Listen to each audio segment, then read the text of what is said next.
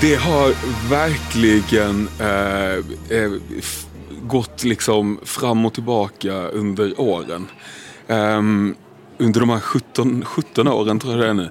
Eh, I början så var det nog, eh, eh, då var det väldigt mycket så här, ja men vin, öl, eh, liksom den grejen. Eh, sen så var det någon som sa till mig, jag tror det var på andra turnén, så sa du, du måste ha du måste säga till att du vill ha fem trisslotter. En till dig och liksom eh, hela bandet. Liksom. Eh, för ibland är man ju på lite mindre orter och det kan ge, ja men du vet, det är väl det som man hör i de här historierna.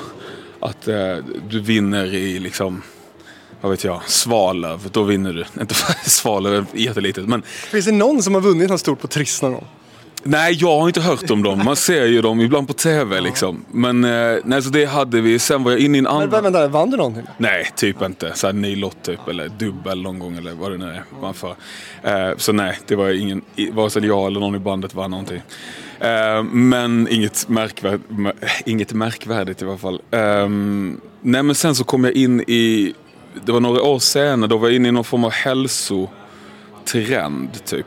För det var mycket så här godis och chips och sådana saker som alltid var där utan att man liksom bad om det. Så, um, så då uh, skrev jag faktiskt så här tydligt att ingen chips, ingen godis och uh, så blåbär och ja, du vet. Så att det har liksom gått i cykler och sen så kom vi tillbaka till bärs och nu de sista gångerna så har det varit, nu var det i och för sig innan corona men då var det, det bash bärs liksom. Bärs och eh, ja, handdukar, vatten, te. Hur går det med hälsan då?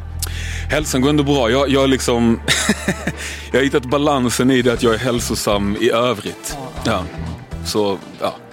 Corona har gjort dig gott då kanske? Eh, ja, både och. Det blir nog en och annan bira en dag liksom. Ja. Grymt! Det här avsnittet gästas jag av en skåning som debuterade som artist 2005.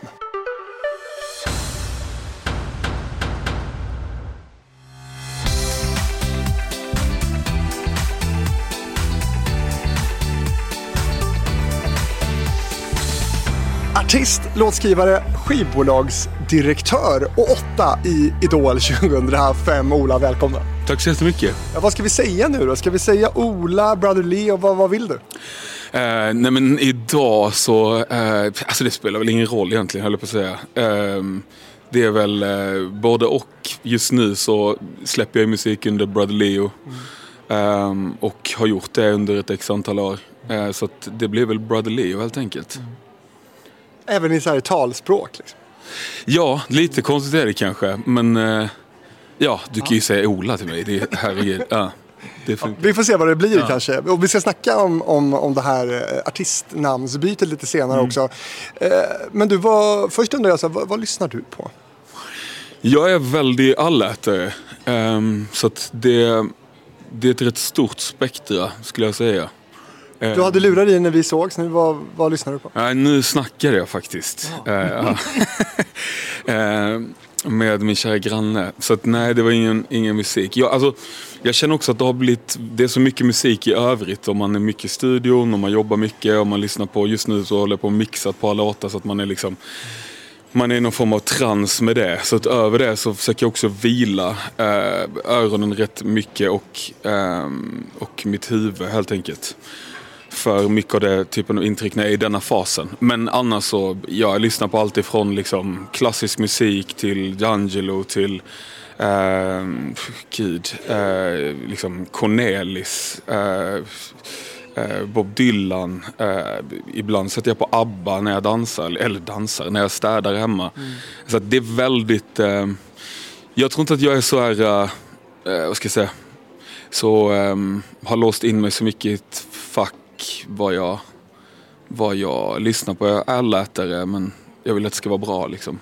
Men det känns som att alla som säger att, att de lyssnar på allt, gör ju inte det. Liksom. Nej, okej, allt gör jag inte. Jag är väl ingen jättekonsument av dansband till exempel, inget fel med det. Men ehm, det är jag väl inte. ehm, Och du är inte en sån där som under pseudonym i hemlighet har skrivit massa dansbandslåtar. nej, men det finns några andra eh, låtar jag skrivit under pseudonym faktiskt. Eh, men det är, en annan, det är en annan podcast, Fredrik. Vad är det för jävla podd om inte den här? Nej, men det finns, det finns några sådana rackare faktiskt. Um, utan att avslöja då kanske eh, för exakt, men ungefär vad handlar det om? Liksom, vad är det du inte vill stå för? Nej, det handlar egentligen inte om vad jag vill stå för utan det har varit lite, vad ska man säga, politiskt eh, dravel kan man säga. Mm. Med andra eh, som man har skrivit låtarna med och sådär. Så det har varit lite, lite eh, stökigt liksom. Men hur stora låtar har det här varit? Nej, inte jättestora. Inte jättestora. Men vi har hört dem? Kanske en och annan. Möjligt. Mm. Kommer du någonsin avslöja det här? Nej. det Vad stört! Inte jätte. Nej. Eh, när du är fem år i alla fall, eh, då börjar du spela piano mm. i musikskolan i Lund. När du är nio så går du med i en gosskör. Och när du är elva så får du en huvudroll i uppsättning av Trollflöjten på Malmö Stadsteater regisserad av Filip Sandén. Och då kan man säga att du är inte helt grön ändå när du söker till Idol 2005. Men hur, men hur, hur kom det sig att, att du ändå liksom valde att ställa dig framför för den juryn? Mm. Um, det var väldigt, väldigt mycket tillfälligheter. Mm. Uh, skulle jag säga. Jag var ju, liksom, som du säger, höll på extremt mycket med musik. Liksom, och, och både hemma, min familj mina bröder spelade instrument, valthorn och piano och vi sjöng väldigt mycket. Min morfar spelade otroligt mycket så att jag växte liksom upp i ett musikhem så det var alltid naturligt. Men jag såg aldrig att det var det jag skulle bli liksom. Eh, eller jag såg mig inte som jag identifierade inte mig som artist utan jag var mer så här fotbolls, eh, fotbollskille liksom. Älskade fotboll och var det jag drömde om liksom. Sen gjorde de här sakerna och det var liksom inte så planerat utan det trillade på mig på något sätt. Jag spelade också in en så barnskiva med Hasse Kvinnaböske när jag var typ åtta och Monica Forsberg, eh, hans fru. Eh, då var jag åtta eller nio och då var det en granne så, till oss då i Lund som hörde mig sjunga på någon Ja, men du vet när jag var någon, vad heter den där struten i Lucia-taget? Stjärngosse. Ja, stjärngosse, exakt. Eh, som eh, hörde mig sjunga där så var jag med på det. Och sen tyckte det liksom var roligt att göra sådana grejer med vid sidan om. Liksom. Men det var aldrig men, vad var det du spelade in med Monica och Hasse? Nej, det var en barnskiva eh, med klassiker liksom. Alltså typ eh, Baloo-låten, Var nöjd med allt för livet. Du vet, de grejerna. Vilket var skitkul liksom. Man fick vara i en studio för första gången och se hur det funkade. Och, och livemusiker och, eh, och sådär. Så det var ju fantastiskt roligt. Vad hette skivan? Kommer du ihåg det? Oh, Gud. Jo, den, det vet jag faktiskt. Älskade barnvisor. Mm. Har du den sparad? Det är en späd liten tanig röst. Den kanske är lika späd fortfarande i och för sig. Men ja.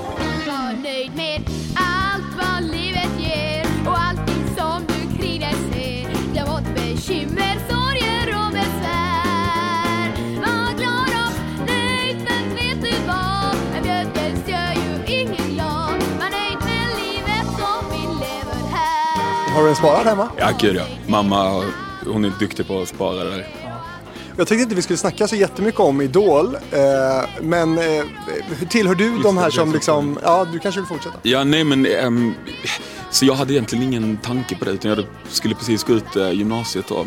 Och uh, det var några min... Vi hade en revy i skolan där, som är liksom en en grej som man alltid gör i Lund, liksom. skolorna mot varandra på något sätt. Uh, och uh, där var jag med och sjöng då. En låt till rektorn faktiskt. Eh, smörigt? Väldigt smörigt fast det var, texten var desto icke smörigare. Men, en roast rektorn du? Ja, lite, fast en kärleksfull roast. Men det var väldigt kul. Men um, då um, sa de i min klass bara, fan det är ju Idol i Malmö uttagning nästa vecka liksom. Du, du måste ju söka. Och så på den vägen är det. Och, um... Men brottades du det här med att vara fotbollskillen som ändå kan sjunga? Och liksom, var det liksom en, en brottningsmatch i det där eller hur, hur tog du hand om det? Nej, när jag var liten var det kanske det. Då var det väl inget man skyltade med när man var liksom tio kanske. Då var det inte så här, Då skulle man spela fotboll liksom. Grabbigt och du vet hela den grejen. Men när jag var där uppe i, i liksom äldre tonår då, då hade jag inte problem med det. Absolut inte. Men det var en tillfällighet. Jag sökte dit och jag, det var andra året som Idol eh, sändes. Eh, 2004 där med Darin och så hade jag hört om honom. Liksom. Jag hade inte sett så mycket av programmet, lite grann typ. Så jag hade liksom inte jättekoll på riktigt vad det var. Så att, eh, jag kom dit och tänkte då, det var tusentals folk i kön liksom. Och, och jag och några polare kom dit och tänkte att ah, men det här blir kul liksom. och vad är det här typ? Och, ja, och sen så fattade jag att det här var ju skitstort liksom och det var en tv-kamera i, i ansiktet direkt och, och sen så ja, vändes ju liksom livet upp och ner på, på några månader. Um, så att, och sen, ja, så att, det var ju knappt att man hann liksom reflektera över um, vem är jag i det här? Eh, oj, jag står på en scen nu och nu har jag ett skivkontrakt och nu ska jag in i en studio och spela in. Vad är det jag vill göra? Eh, och skivan ska vara klar om en vecka. Och, du vet, så man hann ju inte liksom eh, man hann liksom inte landa i vem är jag som människa till att börja med. Visste inte jag när jag var 18-19 och, eh, och ännu mindre som artist. Liksom. Men innan vi lämnar Idol då, vad, vad är ditt starkaste minne ifrån, från Idol-tiden? Okej, det är så mycket. Alltså det var ju fantastiskt. Det gav ju så många ringar på vattnet eh, till de här liksom 17 åren på något sätt. Det var ju startskottet på många sätt. Eh, vissa av de ringarna, vågorna eh, av vatten har man ju totalt drunknat i och andra har man liksom på något sätt lyckats ta sig upp på, på brädan och åka vidare en bit liksom. Eh, men gud, det är så många. Jag kommer ihåg en gång när det var kanske vecka två eh, eller tre, jag kommer inte ihåg. Eh, och vi skulle åka ut då till studion och vi, skulle stanna, vi stannade till på en Statoil för någon skulle köpa någonting. Mm. Och då är liksom så här, Idol-Ola jagad av galna kvinnor på eh, liksom löpet. Och då kommer jag ihåg att det var så här, ah shit, stackars honom. Eller, är det här, eller du vet, jag, jag kunde liksom inte identifiera mig till att eh, det var jag på något sätt. Um, ah, men det är massa olika eh, minnen. Det var ju fantastiskt liksom. Har du vant dig med galna kvinnor nu som, som genom tiden? Jag tror inte det finns några, några kvinnor som är så galna i, i mig längre. Nej men... Ähm, äh, har, har, har, har, du tappat det eller? Ingen, har förmodligen. Eller så är jag bara, jag vet inte. Har andra glasögon på mig kanske. Jag vet inte. Eh, men i alla fall, din första singel, Rain, hamnar etta på singellistan.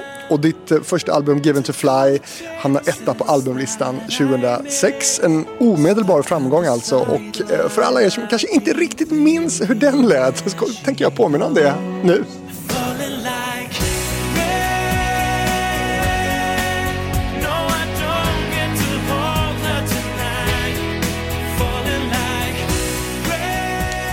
Vad känner du när du hör Rain idag? Nej men det är otroligt många minnen liksom. Det var första låten som jag släppte och eh, när man liksom, ja när det begav sig. Man hörde den på radio. Jag tycker det är en grymt välskriven poplåt liksom. Eh, Savan bland annat har skrivit den. Eh, och gjort mycket med Martin, Max Martin. Eh, och eh, jag tror till och med att det är en cover. Eh, Eh, den gjordes om lite när jag släppte den men den släpptes också i Australien eh, något år innan. Eh.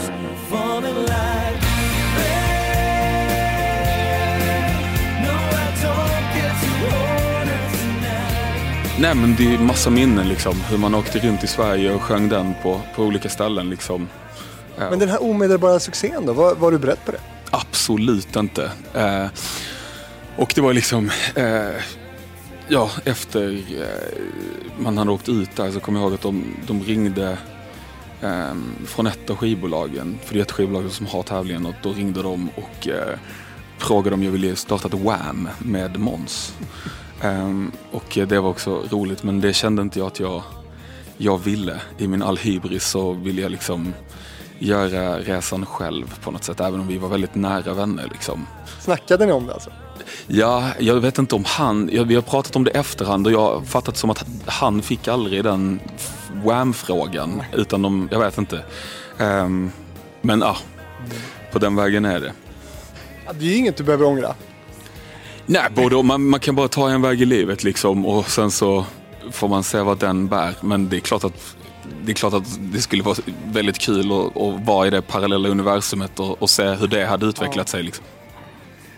Men hur ser du på din första platta idag då? För den, den blev ju också en succé. Finns det någon annan låt som du vill lyfta fram från det albumet?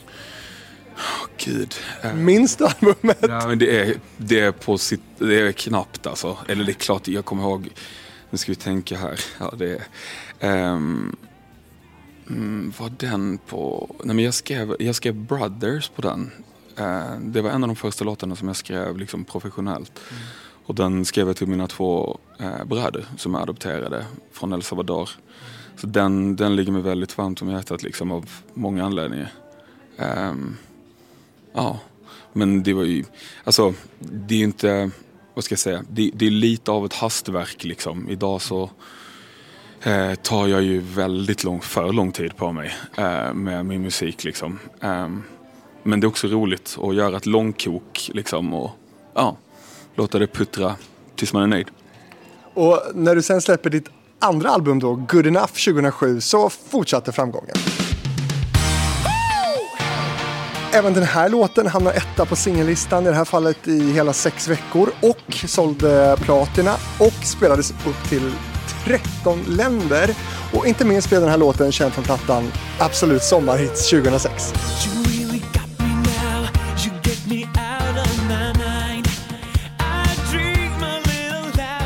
Det var, det var ju, det var ju på något sätt, alltså jag hade ju liksom, fick ju några hits innan den. Men när den kom så, det var ju något speciellt. Det är ju fortfarande än idag folk som kommer fram och, eh, och pratar om den liksom. Och, och heter Nathalie kanske? Ja, nej men absolut. Och jag har döpt barn till Nathalie och eh, det var en, eh, jag gjorde Nyhetsmorgon här eh, för, eh, fan var det, halvår sedan kanske. Och då, en av de som jobbade där, eh, han kom fram och eh, eh, sa att hans tjej hette Nathalie och de hade spelat den då på bröllopet och, och sådär. Så det är liksom, det är fantastiskt liksom. Det är, det är mäktigt.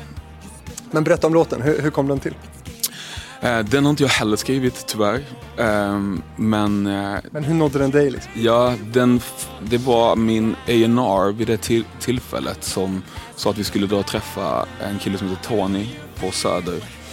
Um, som uh, uh, hade då skrivit ett, gäng låtar liksom och uh, han spelade upp några låtar liksom. Men sen så spelade han ut Nathalie idag och då var den ju en helt annan skepnad liksom. Det var mer form av liksom ja, men nästan så här call me, eh, vad heter den? Call on me, call on me. Du vet den typen av dansmode liksom, prytz typ. Um, och uh, det fanns typ en refräng liksom. Och uh, ja, på den vägen är det, då kände jag bara direkt bara det här är den. Det här är liksom, det här är första singeln på andra skivan liksom och sen så um, blev det en vers och en middotta och uh, om brygga helt enkelt och den blev mer liksom uppbyggd som en, som en klassisk poplåt. Liksom. Och... Men vad hade du för krav på den då? Om för du ville då antagligen att den skulle göras om en del då? Ja precis, jag ville, att, jag ville, liksom, jag ville göra pop liksom och inte dans, uh, den typen av liksom. Så det var det vi snackade om när vi var där, att vi behöver, vi behöver göra den till en klassisk uh, popform liksom.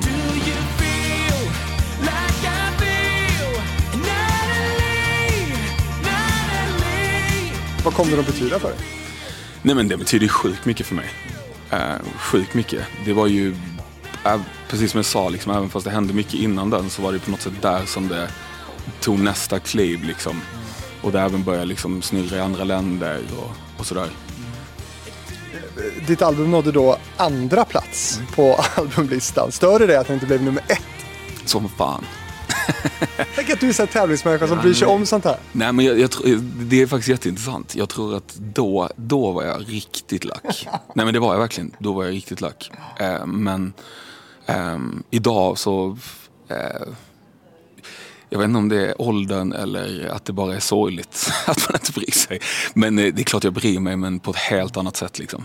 Det är ganska skönt att inte bry sig så mycket också, eller? Jo, det, men det tycker jag. Man ja, idag är det skönt. Jag, jag gör bara det jag liksom vill skapa och sen så, så får det bli liksom. Eh, men det här med att göra andra plattan, kommer du ihåg det som att det var liksom någon slags press att göra, få fram den? Jo men det, det var det väl. Först hade det gått väldigt bra. Och, och det var bara ett år efter första också? Ja precis, och det var ju väldigt liksom eh, liksom fast food på, på många sätt. Um, och där skrev jag ju väldigt, väldigt mycket med. Det var där egentligen mitt låtskrivande började. Jag tror jag skrev fyra låtar på platta ett och sen skrev jag nog uh, nio på andra tror jag. Mm. Um, så där började det komma, liksom den delen av mitt liksom, skapande började komma fram mer där och jag utvecklade det mycket och tyckte det var väldigt, jävligt kul. Liksom. Jag skulle säga att det på riktigt låtskrivandet tog fart på platta tre. Kanske till och med liksom, platta fyra. Men platta tre, platta fyra, då, då kände jag väl att så här, okay, men nu börjar jag kunna hantverket lite mer. Liksom. En annan hit från den plattan blev ju också den här. Ja, nu ska vi tänka. Det är jag och Tony som har skrivit den och eh, Tony som skrev då Nathalie. Eh, och gud, jag kommer inte ihåg så mycket. Det är så jävla vad så. Ja, vi skrev den här studio på Söder liksom. Eh, och eh, det är ju, det, ja, hittigt liksom. Det, är, det, det var så här. SOS är hittigt. Jag kommer ihåg vi skämtade om sms och vi höll på liksom.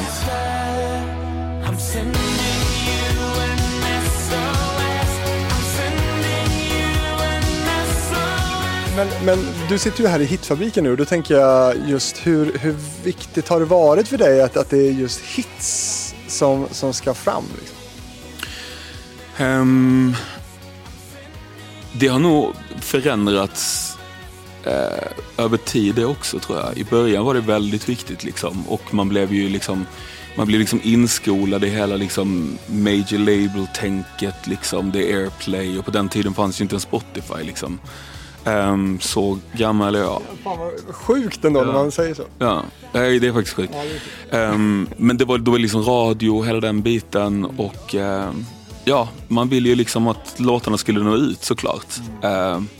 men ja, i nästa kapitel av min karriär så förändrades mycket av min syn och så vidare. Men ja.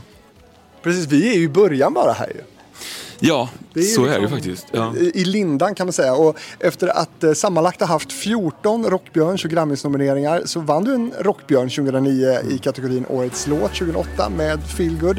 Eh, singeln sålde över 40 000 exemplar och belönades också med dubbel platina.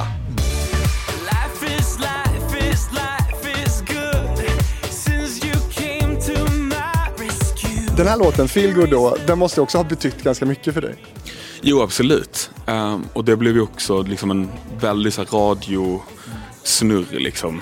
Um, så det gjorde jag absolut. Och, och um, jag hade ju som du sa många Rockbjörnen-nomineringar och där fick jag äntligen liksom vinna det, vilket jag kommer ihåg att jag tyckte var jävligt stort. Liksom. Och eh, jag kommer ihåg den presskonferensen, då var, liksom, då var det Håkan Hellström eh, framför mig, man skulle gå upp på något podium typ och så tror jag det var Winnerbäck bakom mig och så hade det varit en artikel i, i Aftonbladet, kommer jag ihåg, att, för då hade jag mest eh, nomineringar det året. Och eh, då tror jag han, vad heter han nu då? Eh, Marcus Persson på Aftonbladet. Marcus Larsson. Marcus Larsson, jag ber om ursäkt. Mm. Eh, han eh, hade skrivit att han spydde eller något liknande över att jag var, eh, hade flest nomineringar. Så jag, jag kommer ihåg att jag tyckte det var Eh, det var lite roligt på något sätt. Jag kommer att jag gick upp där och, och kände liksom att, eh, ja men du vet, det var en liten sån skön känga på något sätt. Men var det bara roligt? Eh, nej men det är klart att man ville liksom på något sätt också få respekten. Så nej, absolut inte bara roligt liksom. Men eh, en liten känga, vilket jag kommer ihåg att jag tyckte var skönt. Och också sen i, i liksom nästa steg när man får höra liksom att eh, eh, ja, viss liksom så kritiker hade då liksom på någon fest efter x antal enheter sagt att Nathalie är liksom årets bästa poplåt. Eh, liksom. Men i tidningen så, så måste man eh, såga det. Liksom. Eh, och det kommer jag ihåg att jag liksom förstod inte på den tiden den dynamiken. Liksom. Och, eh, ehm, så det tyckte jag var jobbigt. Och jag var så här, men varför står de inte för vad de tycker och hur trovärdiga blir de då egentligen? Ja, hur trovärdiga blir de för dig? Eh, extremt o...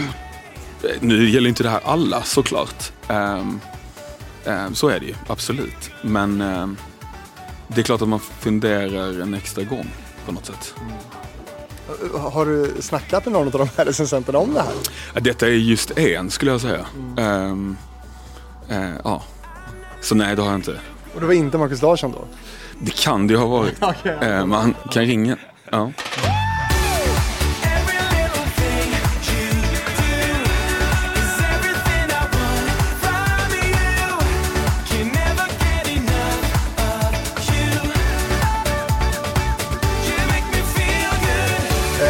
Men det går ju bra här. Alltså det är hittätt som fasen och, eh, och du vinner priser och så. Hur, eh, hur mår du här? Vem är du här? Nej, men här tror jag att jag på något sätt liksom vad ska jag säga? Man, här, är man, här är det väl en tre, fyra, kanske fyra år sedan jag var med i Idol liksom, och fick skivkontrakt och så. Man har varit inne i en otrolig liksom, eh, karusell liksom, och inte som jag nämnde innan liksom, har hunnit stanna upp och reflektera. Vad gör jag? Utan det var så här, turné, tv-program, åka dit, fixa det, signeringar. Allt gick liksom i ett och jag kände väl inte att jag liksom stannade upp och bara så, men vad är det för musik jag vill göra? Vad, vad är det jag vill någonstans med mitt uttryck? Utan det var liksom, vad ska jag säga? Eh, det, det gick så snabbt allting liksom. Och det var en press att just där hade jag nog inte riktigt kommit fram till brytpunkten. Men jag, lite efter här tror jag. Så då kände jag bara att nej men nu, det här räcker för mig. Jag, gör, jag vill göra det här på ett helt annat sätt. Liksom. Och i den vävan träffade jag eh, Alexander Kronlund. Eh, han hade precis kommit hem från LA och vi hade en gemensam vän. Och eh, han kontaktade mig genom honom på något sätt och frågade. Och han hade inte liksom varit i Sverige på väldigt, väldigt länge utan bott i LA idag och skrivit mycket musik där.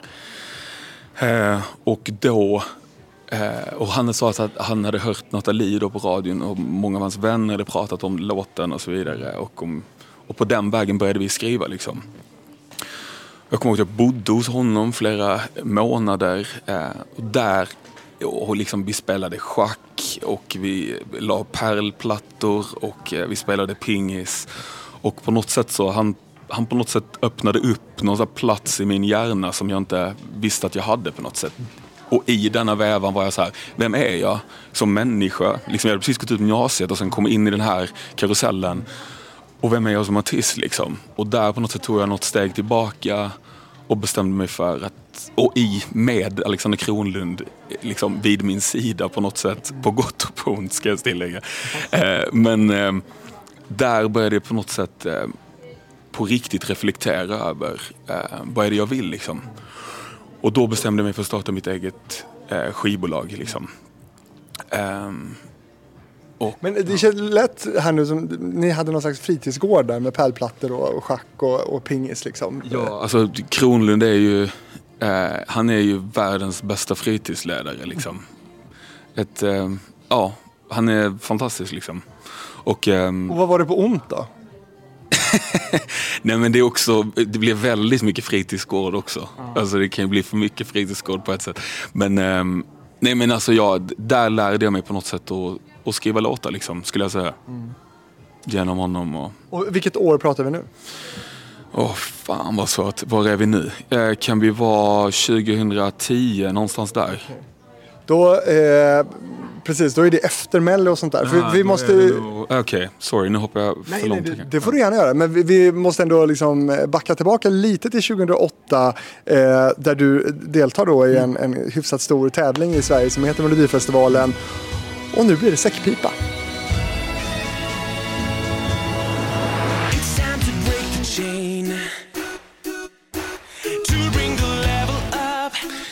Ehm, um, vi ska tänka här. Ja, men detta är ju innan den här perioden jag pratar om. Um, och uh, hur hamnade jag här? Jo, men det hade, frågan hade kommit flera år tidigare. Liksom. Um, men jag hade inte riktigt feeling på något sätt för det. Jag kände inte att jag kände väl alltid att jag just ville göra det någon gång. Liksom. Den, den känslan hade jag. Men um, ah, jag vet inte, jag, jag var inte helt solklar med att jag ville ville gå in i det. Liksom. Jag hade varit i Idol några år tidigare och uh, Vilka låtar nobbar du? um, bland annat Euphoria fick jag frågan om. Mm. Fan, har alla fått frågan om den? Eller vad frågan? Det, det är många. Det är oklart vilken ordning bara. I vilken ordning alla har fått den. Men um, nej, den, den, den fick jag frågan om och det var ju Boström um, som producerade Nathalie också.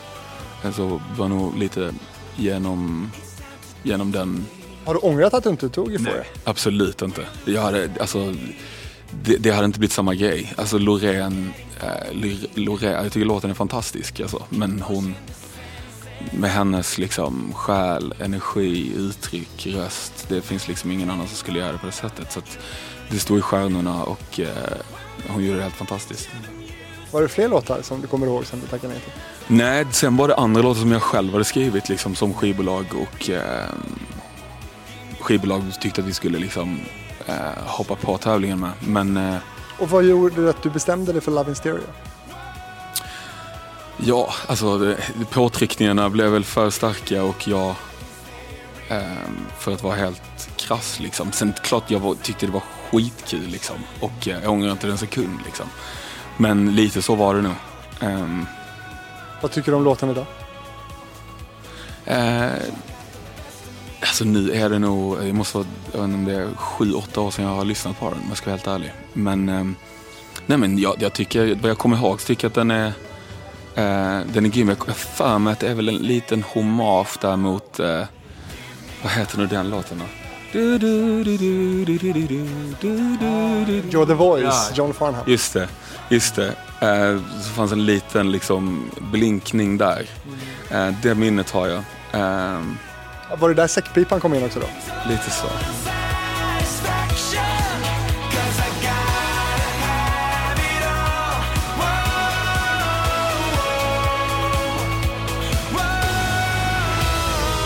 Du kom till andra chansen, men åkte ur där. Hur var det? Nej men det var väl inte, alltså tävlingsmänniska som man är, så det var inte kul liksom. Klart jag ville gå vidare. Ehm, men... ehm, Blev du förbannad eller? Nej, absolut inte förbannad så. Men det är klart att man var besviken liksom. Uh, jag kommer ihåg Martin Eriksson, E-Type, han, han uh, tröstade mig i logen bakom. Eh, det var ett fint, fint moment faktiskt. Han liksom, eh, och han och Kronlund är polare så det var liksom lite, jag vet inte. Vad sa han? Nej men han bara, det kommer gå skitbra, du har inte behov av det här liksom och, och sådär. Och, ja, och eh, nej men det var ett fint moment faktiskt. Det, det är något jag kommer ihåg faktiskt. Mm. Härligt. Har ni kontakt idag, du och Martin? Nej, men vi har sprungit på varandra några gånger i, eh, i Ryssland faktiskt. Ehm, Före kriget? så är det. Precis, flera år eh, på några festivaler där. Jag tror även i några grannländer runt, runt där har vi sprungit på varandra på olika festivaler och sådär. Eh, Singeln Love in Stereo sålde i alla fall guld. Återigen en, en succé, succélåt från dig. 2009 så vinner du TV4s program Körslaget. Eh, men det är också dags för topplaceringar på listorna igen. Den här låten säljer också guld. Eh, berätta om den.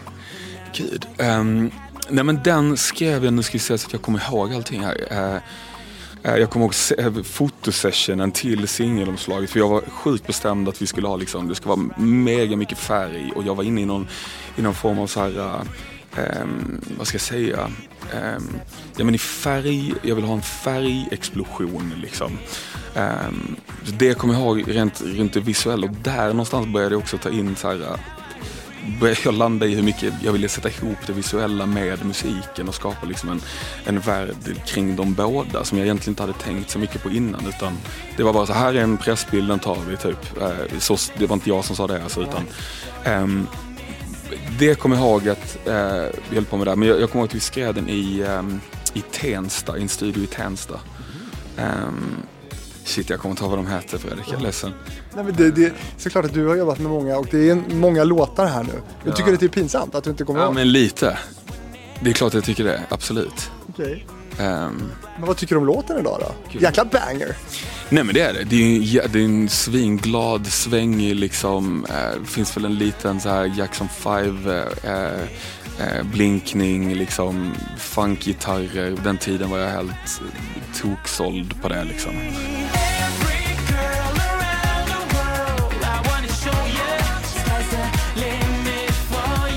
Det är mycket glädje liksom. Nej, ja, jag blev glad av den. Eh, Det blir man. Och, och i den här tiden då, nu är vi där där vi, där vi landade lite förut, eh, när du startade ditt egna skivbolag och sådär. Va- Varför var det viktigt för dig? Nej men jag tror att liksom alla de åren och det hade lett fram till att jag var väldigt eh, kreativt eh, eh, liksom uttömd. Jag kände inte att jag Ehm, var helt glad med vad jag var. Jag kände inte att jag hade så mycket inspiration. Jag kände att ehm, det blev väldigt mycket ett maskineri liksom. Och eh, det hade pågått väldigt länge. Det hade gått skitbra liksom och allting. Och folk bara, vad, vad håller du på med? All, allt går svinbra, det är bara platina och guld och det är bara att köra liksom. Men jag kände inte, men när jag vände mig inåt så var jag inte lycklig liksom i, i, mitt, i min kreativitet och mitt skapande och vart jag ville och vad jag behövde för att utveckla mig liksom.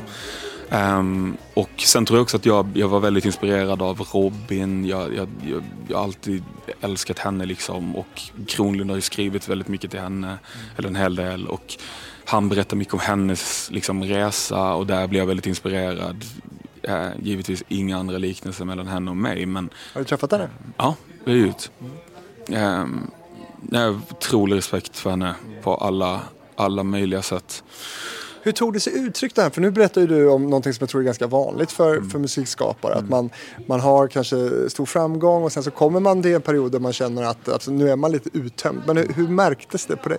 Nej men jag, jag kände liksom utmattningssymptom. Jag tyckte musik eh, som jag liksom har, har älskat liksom har varit det roligaste som finns. Att dra till studion, åka på turnéer, repa med bandet. Liksom allt, det, allt det blev en, blev en tyngd istället för att det var lustfyllt liksom. Ehm, så på det sättet så, så eh, liksom blev det ett mörker liksom. Jag gick in i en depression eh, under den perioden. Ehm, och det var liksom väldigt, väldigt mycket som hände. Ehm, fick igenom, återigen Kronlund, världens bästa psykolog som jag gick till. Och det var liksom det var, och tittar jag tillbaka idag så var det på något sätt den perioden i min karriär var, var otroligt viktig liksom för mitt nästa steg och vart jag skulle. Och eh, inte nödvändigtvis för att få mer framgång utan för att eh, må bra i det jag gör och för att tycka det är kul. Eh, Men hur vände det då? Vad, vad fick dig att, att komma tillbaka? Nej men det var väl att liksom, jag skapade min egen, eller det var väl, det var att jag, jag lyckades liksom skapa min egna plattform. Jag tog de pengar jag hade tjänat, varenda krona och eh, liksom anställde folk. Eh, jag gjorde extremt mycket naiv som, som fan. Så trodde jag att jag skulle klara allting själv liksom. Så jag, det, alltså jag gjorde ju liksom video, eh, eh, vad fan heter det? Eh, videotreatments, liksom jag bestämde hur, hur de skulle vara. Jag, jag, liksom, jag gick över alla gränser och jobbade liksom ännu mer än vad jag hade gjort innan på något sätt. Men då kom det ur en in, inspiration. Liksom. Och detta var ju såklart inte direkt efter utan det fanns ju liksom ett glapp däremellan på, på, på ett tag. Liksom. Ehm, och ehm, nej men jag började jobba med mycket med Alexander och folk som han liksom tog in i ehm, i, liksom, i vårt låtskrivande. Jag skrev en låt med Claes Åhlund och Teddy Bears och um, Patrik Berger um, gjorde vi en. Um, och liksom kände att jag, jag vet inte, jag utvecklades, jag började hitta mig själv. Jag bara, ah, men vänta nu, nu känner jag att jag landar i någonting liksom. Sen självklart är alltid en resa liksom. Och det förändras ju konstant som allt i livet liksom.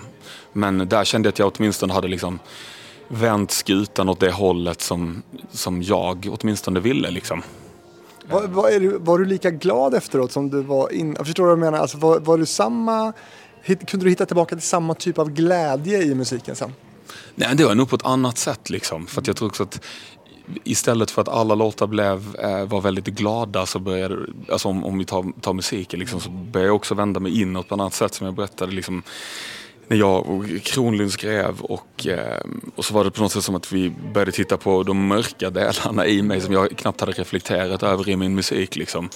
Och det var otroligt inspirerande. Så det blev ju liksom på många sätt ehm, en eh, annan, eh, annan, typ av, eh, ja, annan typ av texter, annan typ av ljudbilder. ehm. Utan jämförelser i övrigt. Det är lite som Erik Sades resa med, med med vad heter de bröderna då?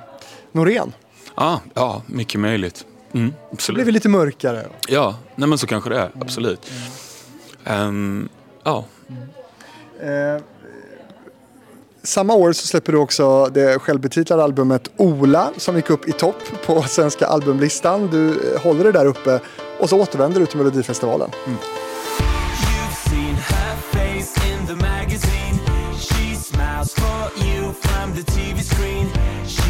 You've var, var det dags för revansch här tyckte du?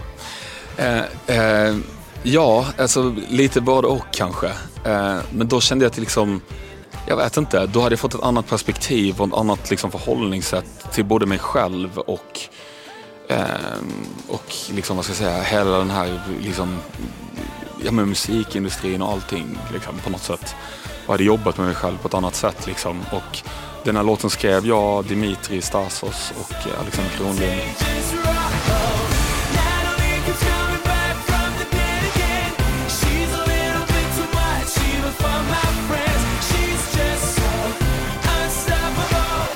Ja, och vi började snacka liksom och hur vi skulle, vad vi skulle göra för typ av låt liksom. Och eh, eh, satt på Roslagsgatan.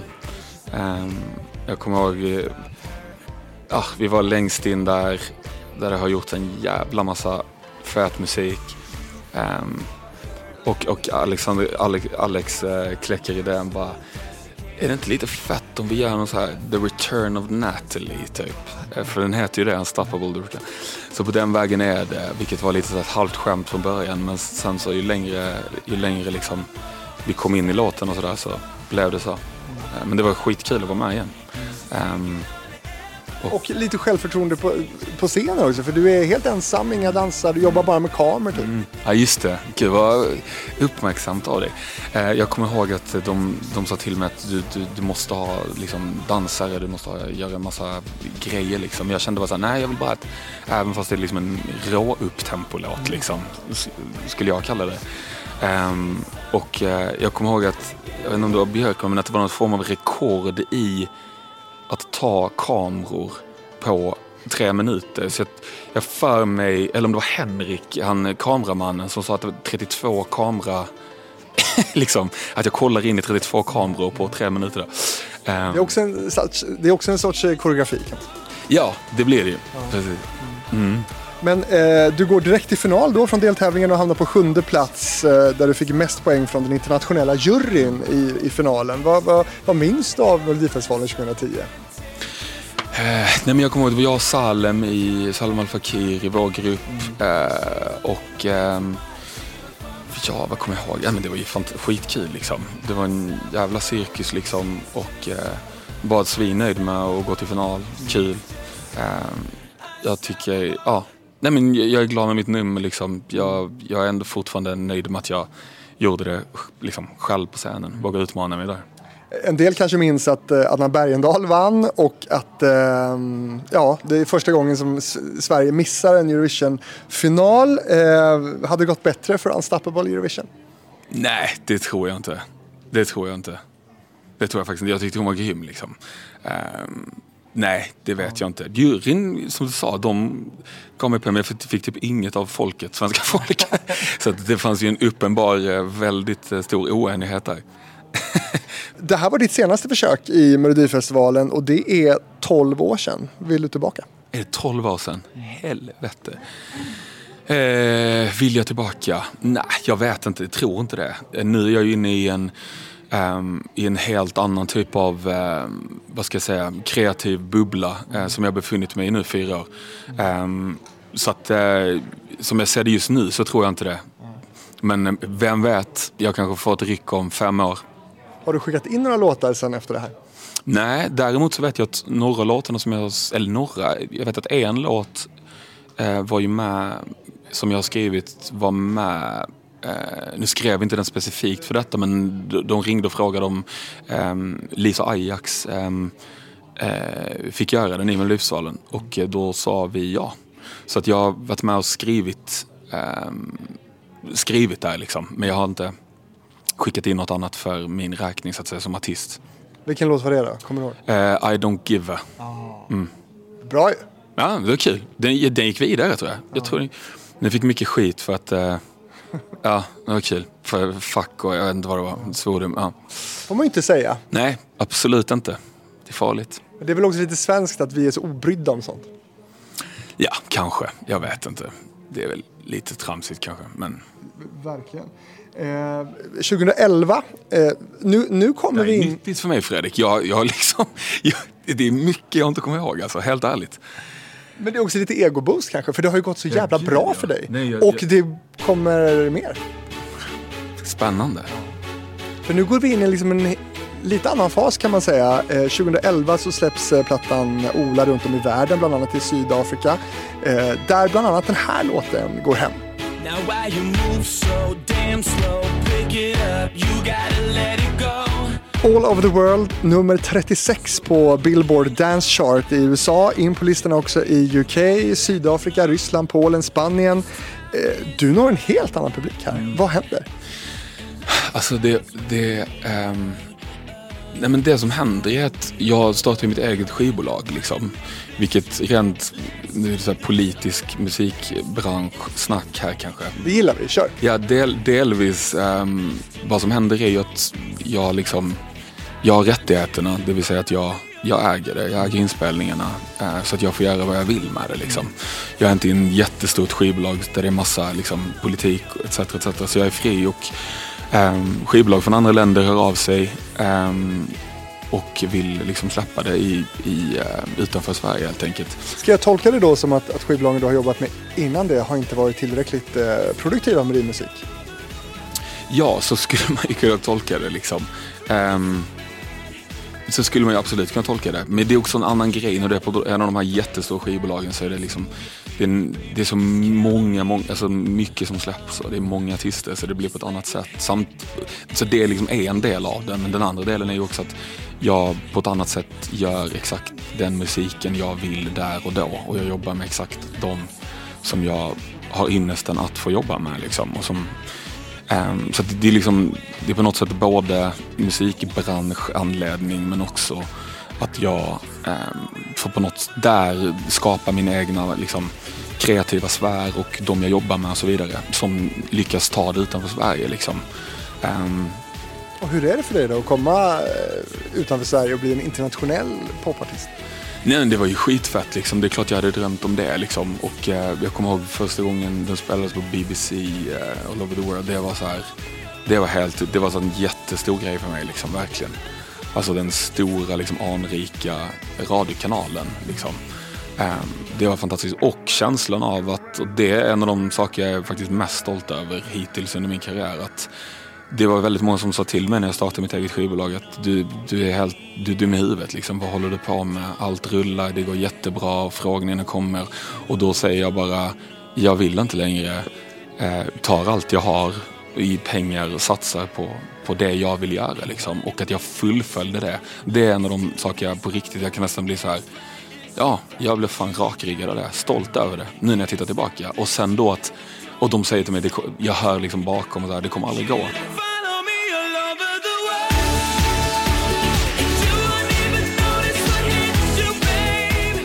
Men BBC spelade min låt liksom. Och jag säger inte att det är världens största grej kanske. Men för mig är det, det, det, det var ett ögonblick. Um, för mig, jag kommer ihåg vi satt liksom och lyssnade här i Stockholm. Bara, de ska spela den ikväll klockan 18.32 i den här showen.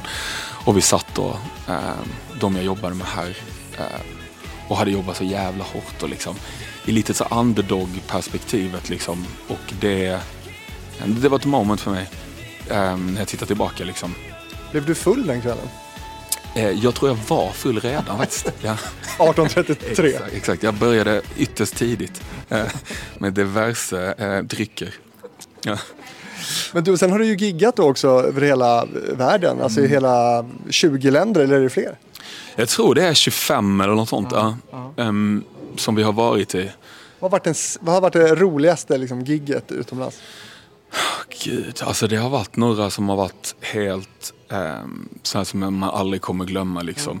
Alltså ett av dem är ju, jag spelade på Sochi i eh, då OS i Ryssland. Det var ett gig som, OS-facklan är 500 meter framför, då var det två låtar på eh, nästa skiva tror jag, som blev väldigt stora där. Ehm, och sen spelade jag liksom på det här jättekända torget i Milano, eh, i Rom. Ehm, det, det är ja, ett, ett gig i Riga när eh, Eh, Vi kom till, till det här festivalområdet och det var inte en käft där liksom och det var så sjukt stort. Alltså scenen var liksom rymdskepp och, eh, eh, och det var inte, en- käft där liksom på soundcheck. Eh, Kanske för att man inte har släppt in dem absolut men man såg ju liksom utanför, det var inte en människa, vi var ute i liksom ingenmansland och sen så kommer vi dit så till giget och det är 90 000 pers liksom. Det var så här, det är något, det är också ett minne som jag aldrig kommer att glömma liksom. Vad har varit de sämsta spelningarna du har gjort? Åh gud. Eh, gud. Det är många säkert. Nej, Den det inte har gått bra. Man har inte sålt biljetter eller... Eh, det var något gig i Sibirien kommer jag ihåg. Där Um, vi åkte helikopter, i, alltså så jävla surrealistiskt, i en... Jag och bandet sitter, alltså vi är livrädda. Det är liksom i en helikopter. Vi åker till Moskva tror jag först. Och sen tar vi en helikopter därifrån, eller om det var en annan stad, jag kommer inte ihåg. Men ut i Sibirien och det är liksom en, det är springor i den, det är militärhelikopter liksom. Så du ser liksom i en liten, liten springa ut liksom. Och där sitter vi, vi är livrädda liksom. Och, och min trummis är rädd för att flyga överlag så att han har ju panik liksom. Och vi landar där och det blir någon sån här kommun någon form av kommunfullmäktige kommer med rosor till oss och det blir en sån här, fattar inte vad som händer och vi är ute i skogen liksom. Och så kommer vi då till den här olje oljedelen. och det bara, och, och eh, vi gör gigget och folk liksom går upp på scenen. Det är bara, det är bara, så här, det är bara märkligt. Jag märker att jag är väldigt dålig på att måla upp hur absurt det är. Men du ser liksom så här gråa olje... Um, vad heter det? Slangar liksom. Och det, är- det är bara så här, ja, det är bara jättemärkligt. Vem fan har bokat det? Vad var det? Ja, det undrar jag än idag. Hur hamnade vi där? Men man, det har varit, ehm, man har varit på många olika platser, vilket är fantastiskt. Ska vi bara prata kort om Ryssland då? För, för under OS i Ryssland 2014 så var du inbjuden på att spela då på, på stora scener där i Sochi. Eh, och där bryter du mot arrangörens regler och tog tillfället i akt och precis som Emma Gren det året visa stöd för hbtq-rörelsen och predika för fri kärlek inför politiker och jublande publik. Och det du säger på scenen där i Ryssland det är jag vill tillägna en sista låt till alla er som måste kämpa för er kärlek. Varför gjorde du det där statementet? Nej, men när vi fick frågan, jag är ju jättesportintresserad och när frågan kom så, så var det inte ett lätt beslut för mig att vara med. Liksom. För att i denna vävan så hade de ju då OS där och det var väldigt mycket, hade varit väldigt mycket snack om deras behandling av eh, hbtq-personer och, och eh, ja, hur de behandlar, eh, behandlar dem. Det är fruktansvärt liksom. Så på det sättet så kände jag inte att jag ville göra det liksom. Eh, och å andra sidan så att få spela på OS, hur, eh, vilken, vilken jävla grej liksom. Hur många får det? Eh, och vilken upplevelse. Eh, och då kände jag bara att ja, då får jag väl liksom på mitt lilla, lilla vis liksom eh, stå upp för det jag tror på liksom. Um, och um, Ja, det var ju obehagligt om jag ska vara helt ärlig. Det, det står ju liksom vakter runt om, eh, liksom k-pistar och de är väldigt, väldigt tydliga med liksom uh, allting. Men jag lyckas smuggla med ett litet halsband som har liksom, eh, är det relativt stort, men halsband med alla olika liksom, regnbågens färger liksom. Och det var i tv-sänt i liksom, jag tror det var 18 länder. Um, och uh, sen, ja, mellan låtarna då så säger jag eh, innan låten I'm in love liksom att, eh, ja, vad jag känner. Att alla har rätt att älska den de vill och så vidare.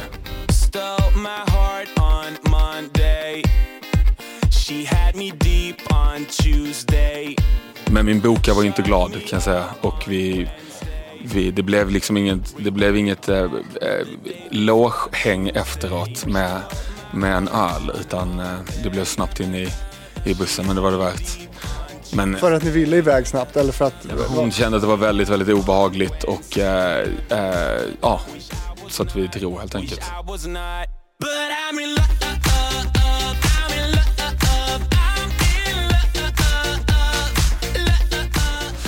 Du var rädd.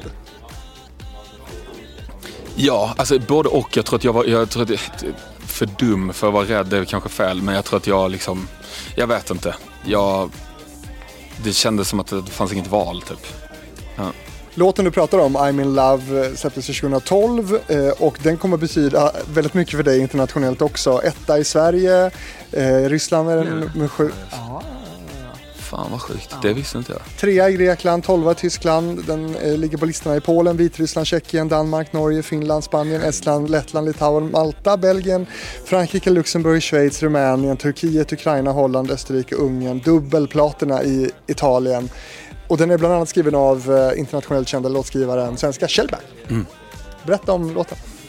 Jävlar, alltså när du läser upp det här så blir jag så här... uh, har jag förträngt saker? Alltså det finns någon psykologisk aspekt i det här som är... ehm, Du ser helt chockad ut. nej men lite. Alltså det på något, jag, blev, jag blev stolt och lite rörd och lite så här... och det, var någon, det var någon kompis till mig som, som förra veckan, ehm, det är mycket öl nu i den här podcasten, men vi satt och drack bärs och han sa att, vet du vad, du är sämst på att sälja dig själv. Du är sämst på att liksom ehm, få ut allt det du har gjort och liksom, han jobbar på ett skivbolag och Uppenbarligen inte. Ja, på ett sätt kanske. Jag vet inte. Ehm, och han, ja, jag vet inte. Jag Vad menar han? Nej men alltså hur jag liksom säljer mig, jag vet inte hur han menar. Men, mm, eh, jag menar det är ju folk som i Sverige som inte vet att jag håller på med musik fortfarande. Liksom. Jag vet inte, skitsamma. Vad var frågan? Frågan var hur låten kom till och Kjellberg-samarbetet. Eh, låten kommer till, nu har jag lite bättre koll, för nu närmar vi oss nutid, vilket är skönt. Eh, låten kom till i Zinkensdamm i en studio, eh, där eh, jag och en tjej som heter Mikaela Stenström och Dimitri Stasos, som jag bland annat skrev en Unstoppable med, sitter och har en session. Och eh, jag säger att eh, vi börjar liksom börjar knapa lite och jag säger att det enda vi inte ska göra det är att skriva en jävla låt om I'm in love, I'm in love.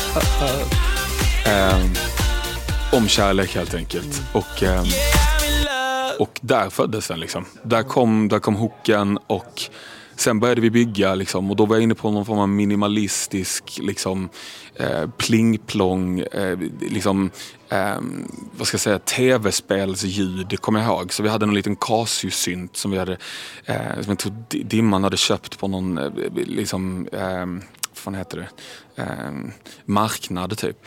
Eh, och där började den ta fart låten. Och sen då hade vi liksom hooken, vi hade versen, vi hade ingen pre. ehm, och vi liksom, den, den blev för tjatig så vi hade, vi, vi var, detta var liksom efter dag ett då, så vi, var- vi var tvungna, vi kände alla att så här, vi, behöver, vi behöver hitta en ny del liksom, till sista refrängen. Och då gick jag på ett gym här i Stockholm och eh, där eh, gick också Max Martin. ehm, på det gymmet. Och Fett. Ja, verkligen. Och han är ju väldigt, väldigt nära vän med Alexander Kronlund så jag har ju träffat honom genom eh, honom. Och jag hade skickat I'm in love till eh, Kronlund eh, och bara fan, är inte det här något, är inte det här något speciellt liksom? Och han bara direkt, jag bara, det, här, det här är riktigt fett liksom. Men ni behöver en del i sista refrängen. Vi behöver, vi behöver hitta en del till liksom. För det blir för tjatigt liksom. Och jag bara, jag är 100% med dig. Bla, bla, bla. Och då är jag på gymmet och jag kommer ihåg att Mart och då säger Martin att eh, du, fet låt du har skrivit. Eh, och då, då, då stannar jag liksom i, i min lilla maskin. Liksom. Bara, vad fan, har jag hört en låt jag har gjort? Hur sjukt är det? Eh, och då börjar han sjunga. Uh, uh, uh", och, eh, eh, och då har Kronlund spelat den för honom. Um, och han säger också att ni behöver en del till. Jag bara, ja, jag vet att vi behöver en del till. Vi har suttit en dag liksom. Um, och sen så, på den vägen är det. Och sen så under den vävan har jag börjat hänga med Kjellback, eh, Johan då. Eh, och vi har blivit rätt nära vänner liksom. För Kronlund sitter i Martins studio eh, på Söder på Hötorget. Eh, och vi är där rätt mycket. Vi skrev bland annat I'm, eh, All over the world i den studion. Ehm, så E-Type hade den ibland och sen hade jag Kronlunden ibland. Liksom. Och sen satt Johan och Martin i andra rummet. Liksom.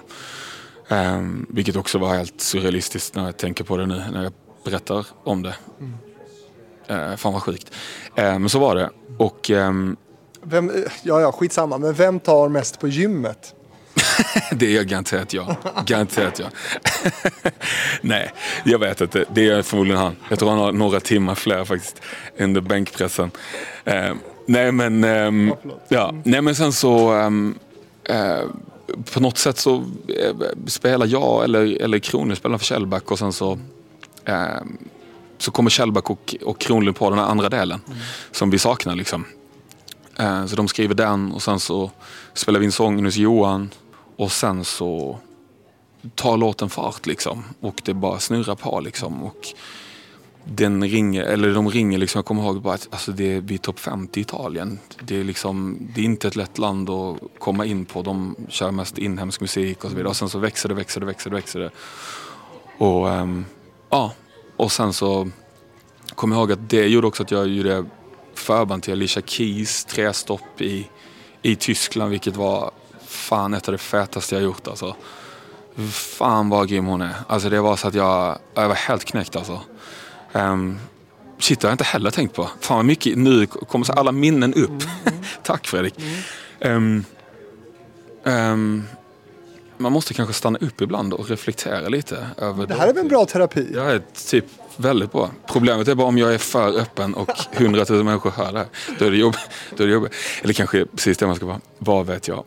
Nej, så att, um, sen tar det fart. Men Italien blir liksom, där blir den absurt stor. Alltså där blir den, det är på en nivå som är sjuk alltså. Det är nog största hit jag haft. Alltså, Nathalie i Sverige men, men I'm in love i Italien. Och du jobbar mycket där också. Det roligaste av allt är ju ändå då att du inte skulle skriva en låt om kärlek. Och så blev det precis så och så hookigt som det också blev då. Eh, men på tal om det, inspiration där. Det är inte mycket vi har fått höra om kärleken med dig du. Nej men den, den låten, alltså när jag ju kom på hooken så, så ähm, till I'm in love då, då, då hade jag inte, liksom, då var det inte som att jag hade någon i tanken men eh, när jag sen skriver klart den då, då handlar det om en specifik person. Absolut, absolut. Ehm, och där någonstans så börjar låtarna mer och mer bli eh, liksom komma från upplevelser som jag haft. Innan har jag mycket liksom fabricerat fantasi och du vet så här. Där någonstans så började det mer och mer bli ehm, liksom självupplevda grejer, saker reflekterat över. Ehm, Men hur medvetet är det här med att vi inte vet så mycket om, om dig och ditt liksom, privatliv? jag tror det är bland annat det här som min kompis berättade om att jag är dålig på att eh, sälja mig själv helt enkelt. Du ska väl inte behöva sälja ditt privatliv tänker jag. Men Nej men det är det privatliv då. Det kanske det är. Det är, ja, det, det är väl en ja, mischmasch kanske. Jag vet inte. Eh, någonstans är ju låtarna... De är, alltså, framförallt det jag gör nu är ju väldigt, eh, väldigt privat. på vilket sätt? Nej men de låtar jag, jag släpper nu som Brother Leo handlar ju om, om olika saker jag gått igenom och eh, upplevelser rakt, rakt av liksom. Du, eh, efter det som hände i Ryssland, eh, är du välkommen tillbaka? Har du spelat där sedan dess? Eh, ja, efter det så ehm, där var vi rätt mycket under den fasen. Ehm, så ja, Hur ser du på eh, Ryssland idag? nej alltså det är ju helt eh, sorg, eh, förundran att det kan hända 2022. Eh, å andra sidan så har man väl sett tendenser och kanske någonstans har, vi, har alla, vi alla varit naiva till att han är kapabel till att göra detta. Och det skrämmande som jag tycker är också att det är en, någonstans är det ju en man som sitter i, i, i Kreml och tar de här besluten liksom. Eh, vad man vet i alla fall. Eh, och det tycker jag är rätt läskigt. Att en man har den typen av makt 2022.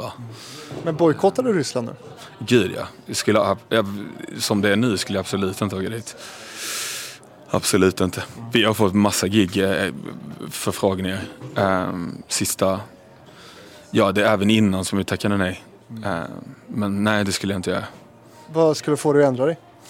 Ett helt nytt styre ehm, och eh, en enorm förändring där borta. Då skulle jag, då skulle jag kunna ta mina både glada och eh, sorgsna låtar och mitt pick och pack och åka dit och spela, absolut. Fan, vi måste spola fram för det vill vi höra mer om. Men 2014 då kommer ditt fjärde album, Carelessly Yours, och en ny hit.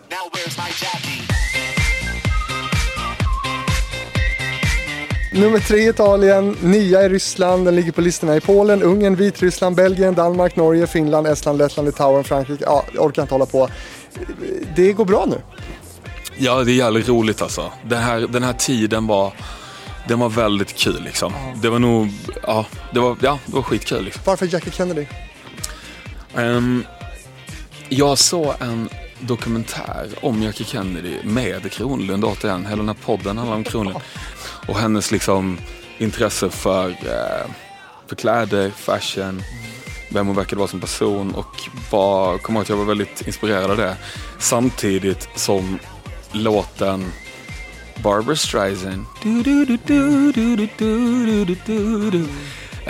med Daxos gick varm och jag slog väl ihop dem lite och så blev det Wissling och Jackie Kennedy istället. Liksom. Ehm, Och i videon så draggar du. just det, precis. Hur var det? Det var svinfett. Jag älskar det. Det har alltid varit en dröm. Um, och eh, Kronlund, by the way, igen. Han är kypare i videon. Jag vet inte om du noterade det? Jag gjorde fan inte när det när jag såg när den. jag är drag så är han kypare och serverar mig. Uh, Men hur var det då? Om det var en dröm då, hur var det?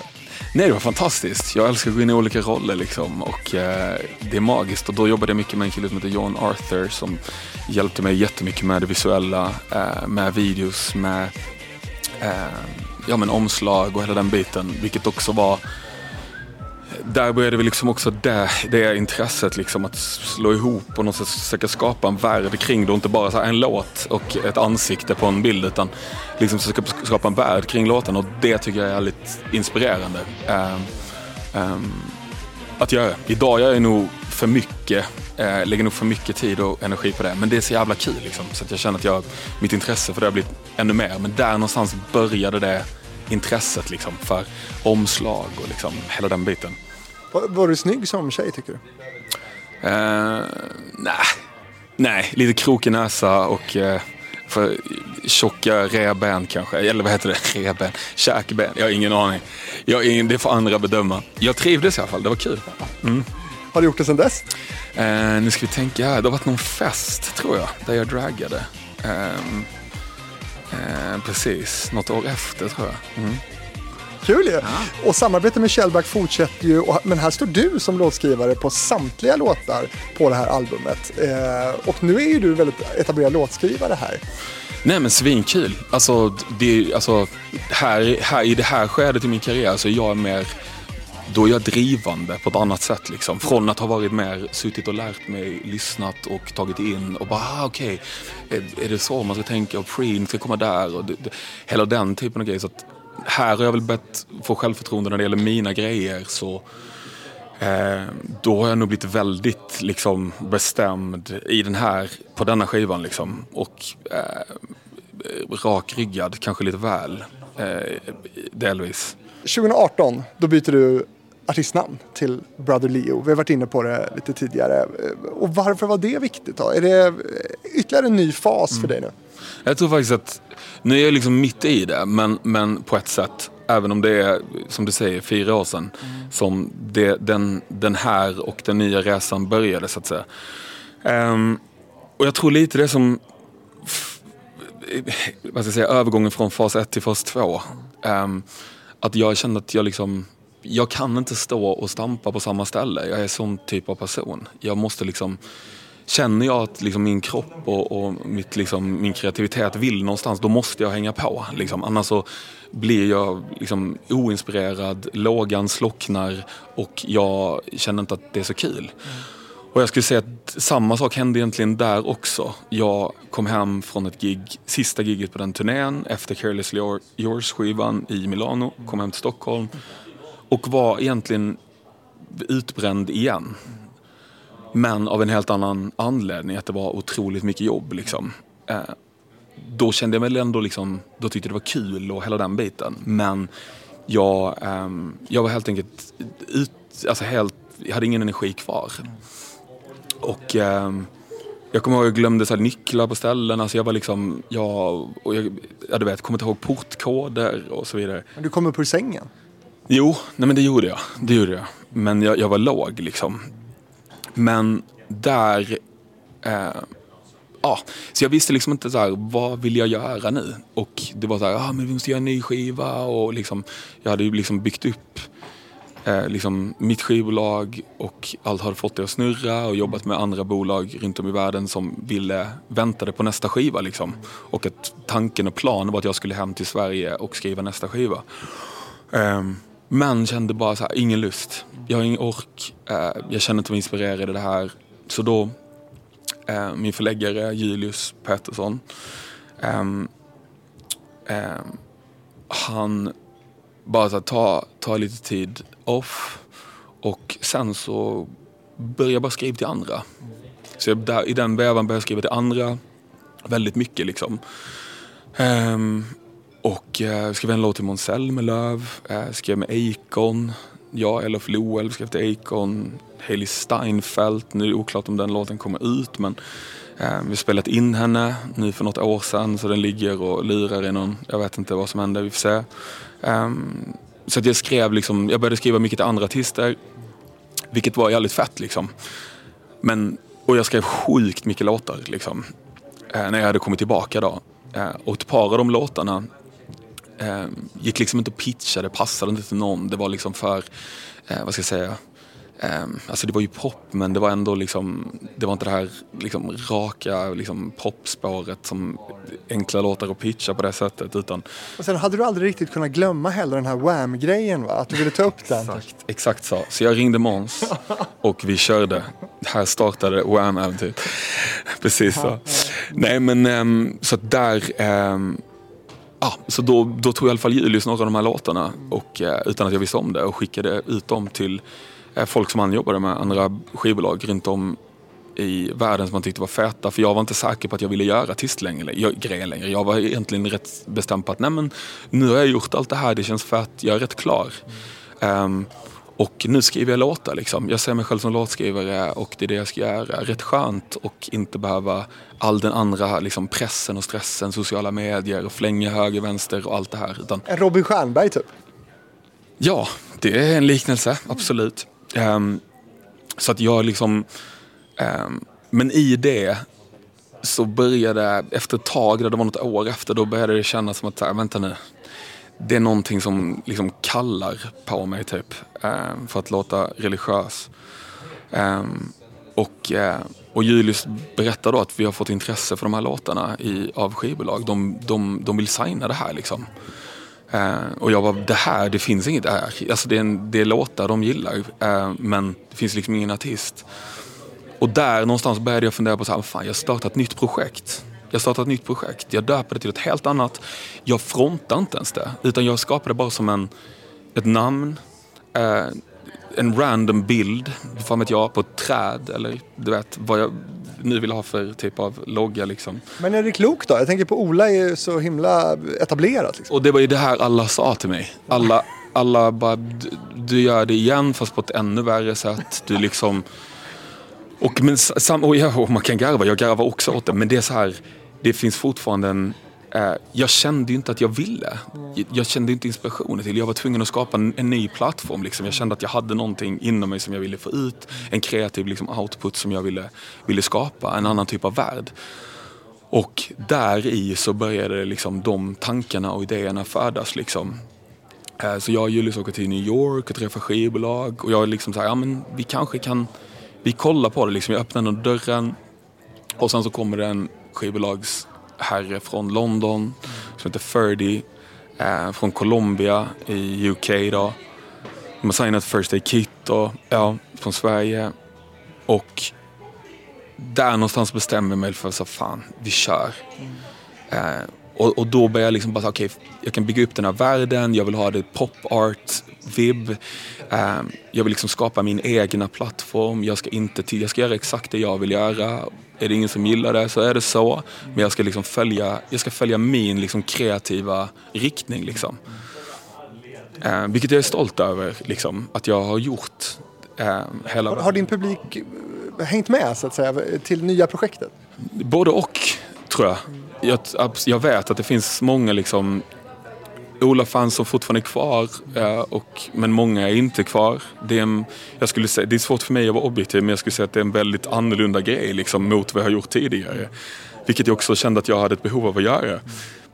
Och det blir någonstans ärligt mot mig själv. Att jag skapar min egna plattform. Hur dumt det än är att liksom lägga Ola liksom, i en burk eh, och, och lägga det åt sidan. Liksom.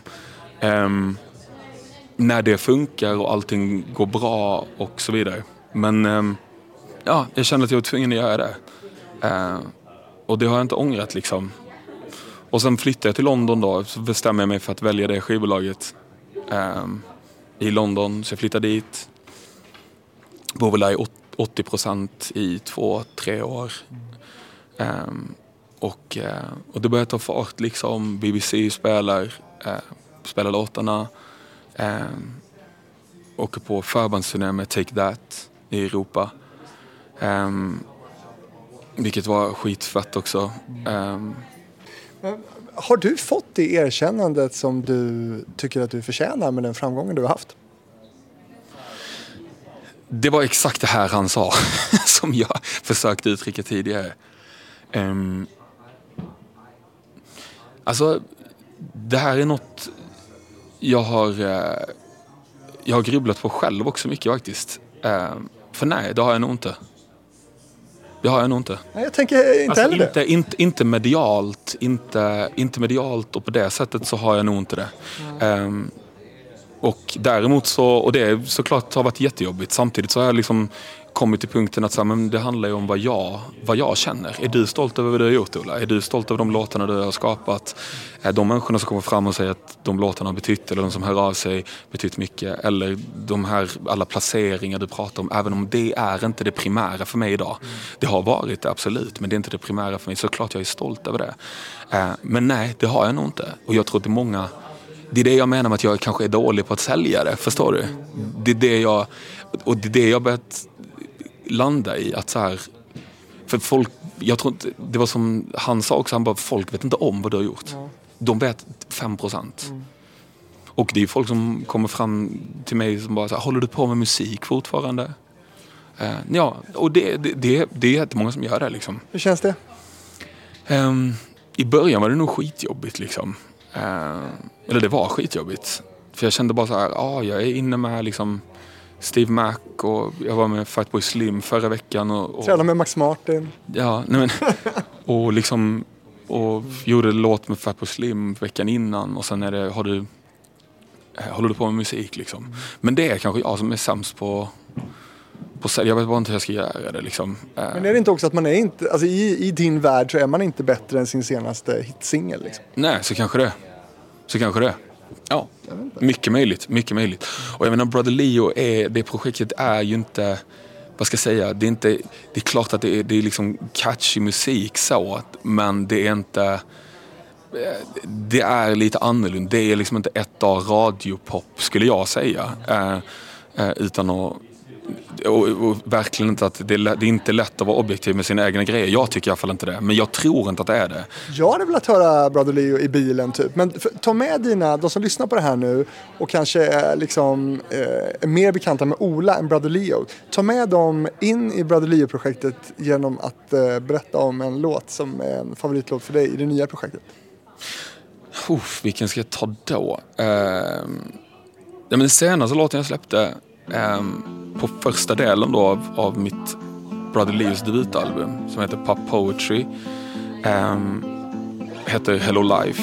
My tears come running down my cheeks and you say hello life. Ehm, och en rätt mörk ehm, liten visa. En fin melodi. Ja, vad kul.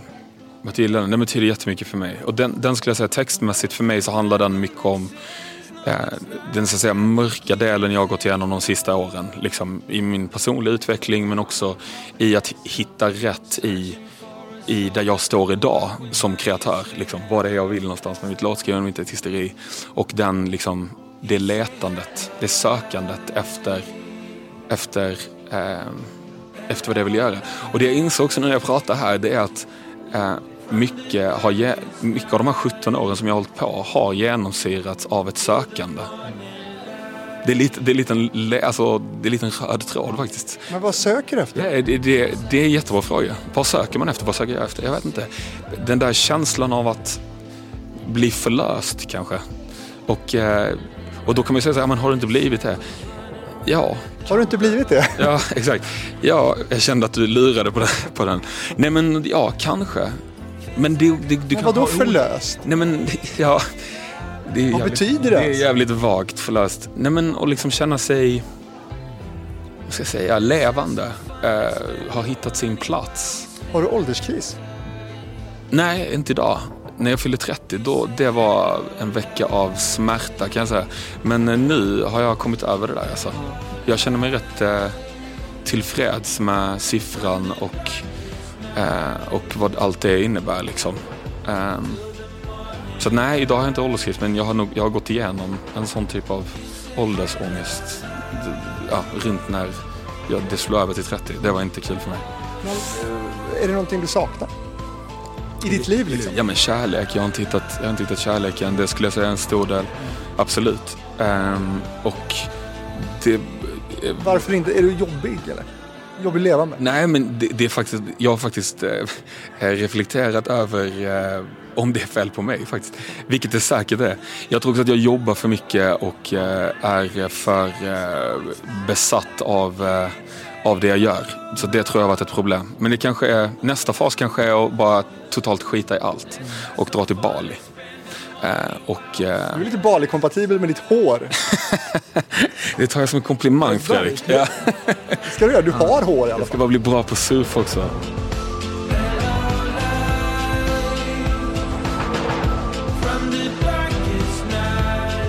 Brother Leo, vi har pratat mer än en timme om din, eh, din musikkarriär nu vi har ju naturligtvis inte benämnt allt, men hur var det här för dig?